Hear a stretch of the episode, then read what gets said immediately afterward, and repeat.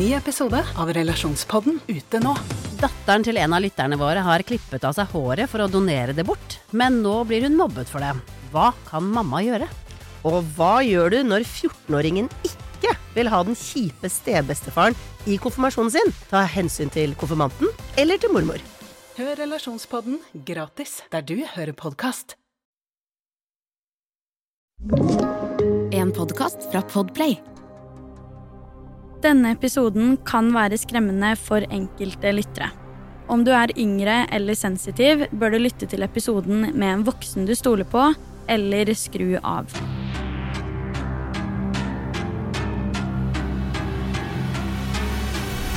Hei og velkommen til en helt ny episode av Forsyningsfredag podcast, og velkommen til den aller første påskeepisoden. Som jeg nevnte i forrige ukes episode, skal vi denne uken publisere en ny episode hver helligdag, så du kan forvente en ny episode hver dag frem til søndag denne uken. I denne episoden skal jeg ta for meg saken om Alan Geel, som jeg personlig hadde hørt veldig lite om frem til nå nylig. Til tross for det så er dette visstnok en av Storbritannias mest omtalte uløste true crime-saker, så derfor så er jeg veldig spent på å dele denne saken med deg som lytter. Forresten, dersom du har en sak som du ønsker at jeg skal ta for meg, eller om du har spørsmål til de forskjellige sakene, så send det inn til meg på Instagram, der jeg heter Forsvinningsfredag. Nå la meg fortelle deg historien om Alan Geel. Den 25. februar 2014 blir et nakent lik funnet skylt opp på stranda Parenporth i England. Liket var en mann, og han hadde kun på seg én sokk og en sko. Men politiet fant også en sammenkrøllet sokk i munnen hans, sammen med iPhone-ørepropper. Disse øreproppene var nye i sin tid, men var da disse øreproppene som hadde tilhørende ledning. I nærheten av liket ble det også funnet flere eiendeler, deriblant noen nøkler, en lue laget av ull og et gammelt bilde av en veldig ung, liten gutt. Etter at obduksjonsteknikerne hadde tatt en nærmere titt på liket, så klarte man å identifisere liket til å være 64 år gamle Alan Geel, og bildet av den lille gutten skulle vise seg å faktisk være Alan Geel fra da han var ung. Nå, la meg fortelle deg litt om denne Alan-mannen. Alan Geel ble født i London, men vokste opp i Cornwall. Han ble adoptert som ganske liten sammen med to andre søsken, som heter da Derek og Linda. I sin pensjonisttid blir Alan beskrevet som en ensom ulv, til tross for at han fremdeles hadde familie som levde. I tillegg til dette blir han også beskrevet som veldig smart. Når det kommer til jobb, så jobbet Alan som elektriker mesteparten av livet sitt, og han jobba med dette helt frem til han pensjonerte seg. Alan hadde også en veldig liten vennekrets og ønsket egentlig bare å leve en avslappet livsstil uten noen særlige distraksjoner, og broren hans har også sagt at Alan likte å surfe i tillegg. Gjennom livet hadde Alan en hel rekke interesser som semiproff-squash på et lokallag, raske biler, fotografi, og så hadde han også en mineralsamling. Gjennom livet sitt hadde han også interessert seg for både gaming og programmering, og hadde alltid vært veldig glad i å lese bøker. Hans favorittsjanger var helt soleklart science fiction. For å forstå denne saken så er jeg nødt til å fortelle deg om hva som skjedde i de 24 timene før funnet av Alan Giel. Jeg skal introdusere deg for en tidslinje nå, men før jeg gjør det, så må jeg si at jeg kommer til å nevne noen overvåkningsvideoer i denne episoden. Og dersom det er av interesse, så har jeg lagt ut disse videoene på Instagram-profilen min, der jeg heter Forsvinningsfredag. Så sjekk det ut dersom du ønsker litt tydeligere kontekst. Nå, la oss sette i gang med tidslinja. Klokken 08.30 på morgenen den 24. februar skrur Alan på PC-en sin. Etterforskerne har funnet ganske mye PC-aktivitet fra denne dagen. Mye irrelevant for saken, men også en del relevant, og det kommer jeg straks tilbake til. Cirka klokken ti på tolv blir han sett på overvåkningskamera gående forbi Bridge Tools, som er en slags hobbyforretning i Wadebridge. Bare 18 minutter senere blir Alan sett på overvåkning igjen hvor han tar ut 100 pund i en minibank. Videre bruker han 2,40 pund på en boks med plaster og en eh, avis i tillegg. Kort tid etterpå returnerer Alan hjem til leiligheten sin og setter seg ved PC-en igjen ganske umiddelbart. Det første han gjør da, er å søke etter bussruter fra Wadebridge til Truro, Newquay til Truro og Wadebridge til Camelford. Dette er visstnok bare hovedtrekkene i søkene hans, for i løpet av etterforskningen kom det også frem at etterforskerne syntes det var veldig merkelig hvordan Alan hadde søkt, og at det virket som at han ikke var helt sikker på hvor han i det hele tatt ville. Hvorfor søkte han opp så mange forskjellige bussruter? Cirka klokka ti på ett hører et vitne noen høylytte og ukjente stemmer fra leiligheten til Alan. Det er uvisst hvem disse menneskene var, og også hvor mange det eventuelt er snakk om. Klokka blir 16.41 da Alan skrur av PC-en sin igjen etter en del timer pålogget. Alans nære har faktisk sagt at eh, dette var veldig ute av karakter for Alan, og at det ikke hørtes ut som hvordan han normalt brukte PC-en sin. Bare fire minutter etter at Alan skrur av PC-en sin, blir han igjen sett på overvåkningskamera utenfor Bridge Tools med en blå regnjakke som til dags dato ikke er funnet. Han brukte nemlig annet tøy enn han hadde blitt sett bruke på overvåkningskamera tidligere samme dag, og dette er nok en ting som Alans nære mener er helt ute av karakter for han.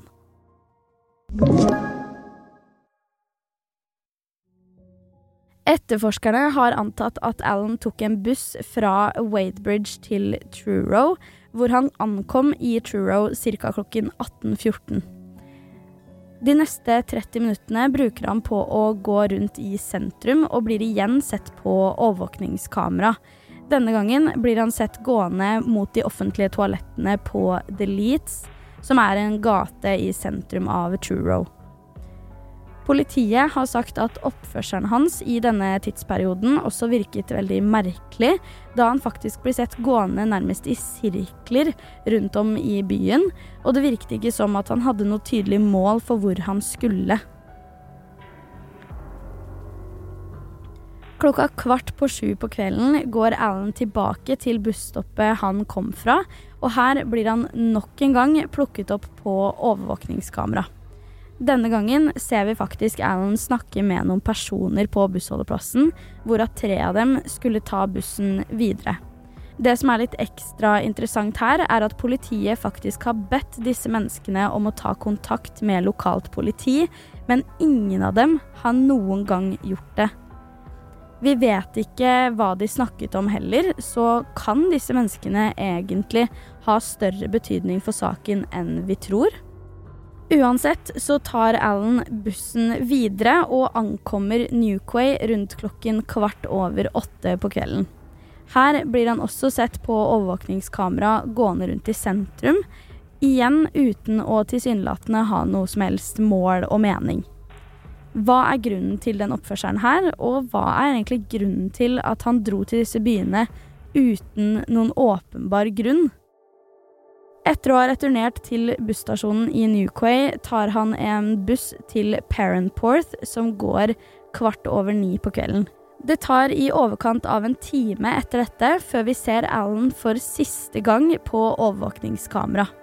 Klokken er 22.27, og Alan blir sett gående langs Beach Road i Parentporth, som er rett i nærheten av der han senere blir funnet død.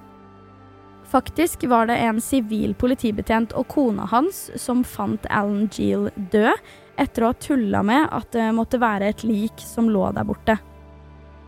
Politibetjenten har i ettertid sagt at han egentlig var sikker på at det var søppel og plast som lå der, men at da de bevegde seg nærmere, så skjønte de fort at dette var et lik.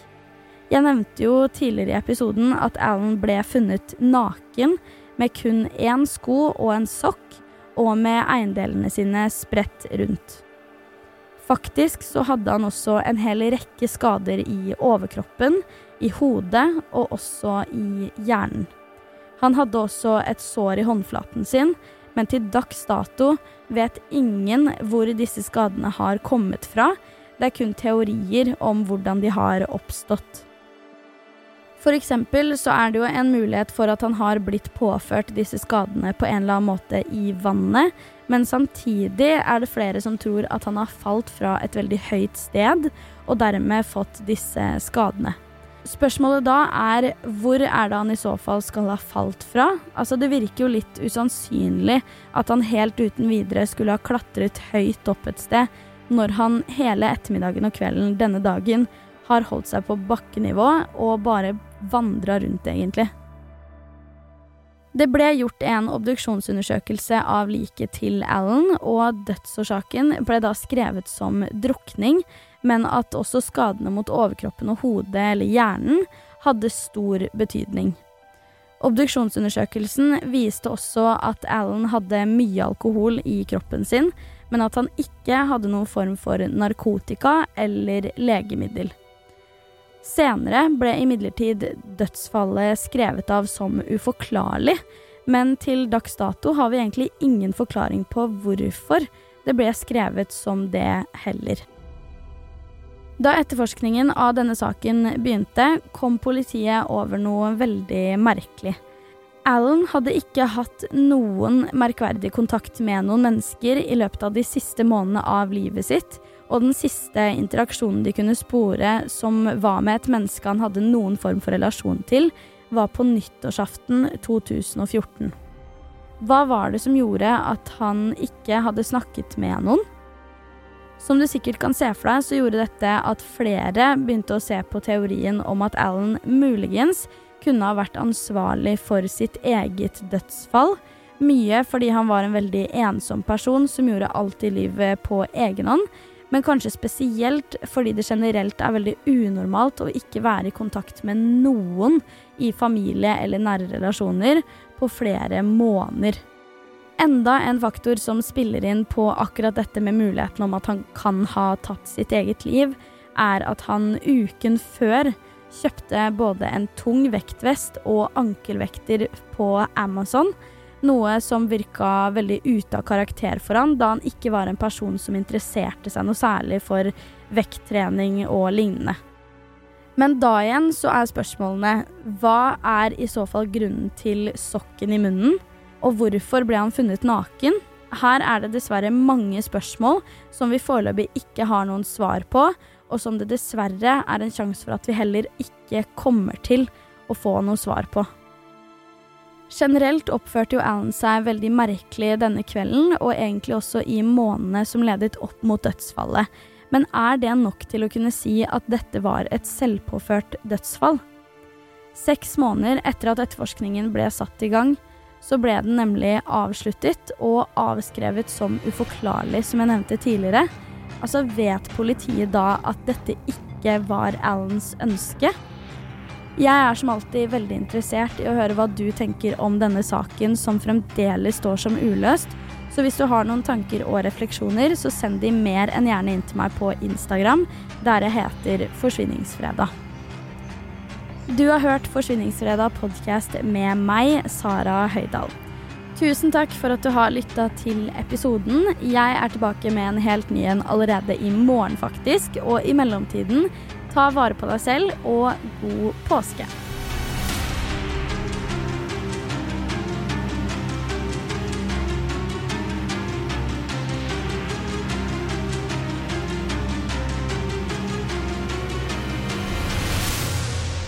Du har hørt en podkast fra Podplay. En enklere måte å høre podkast på.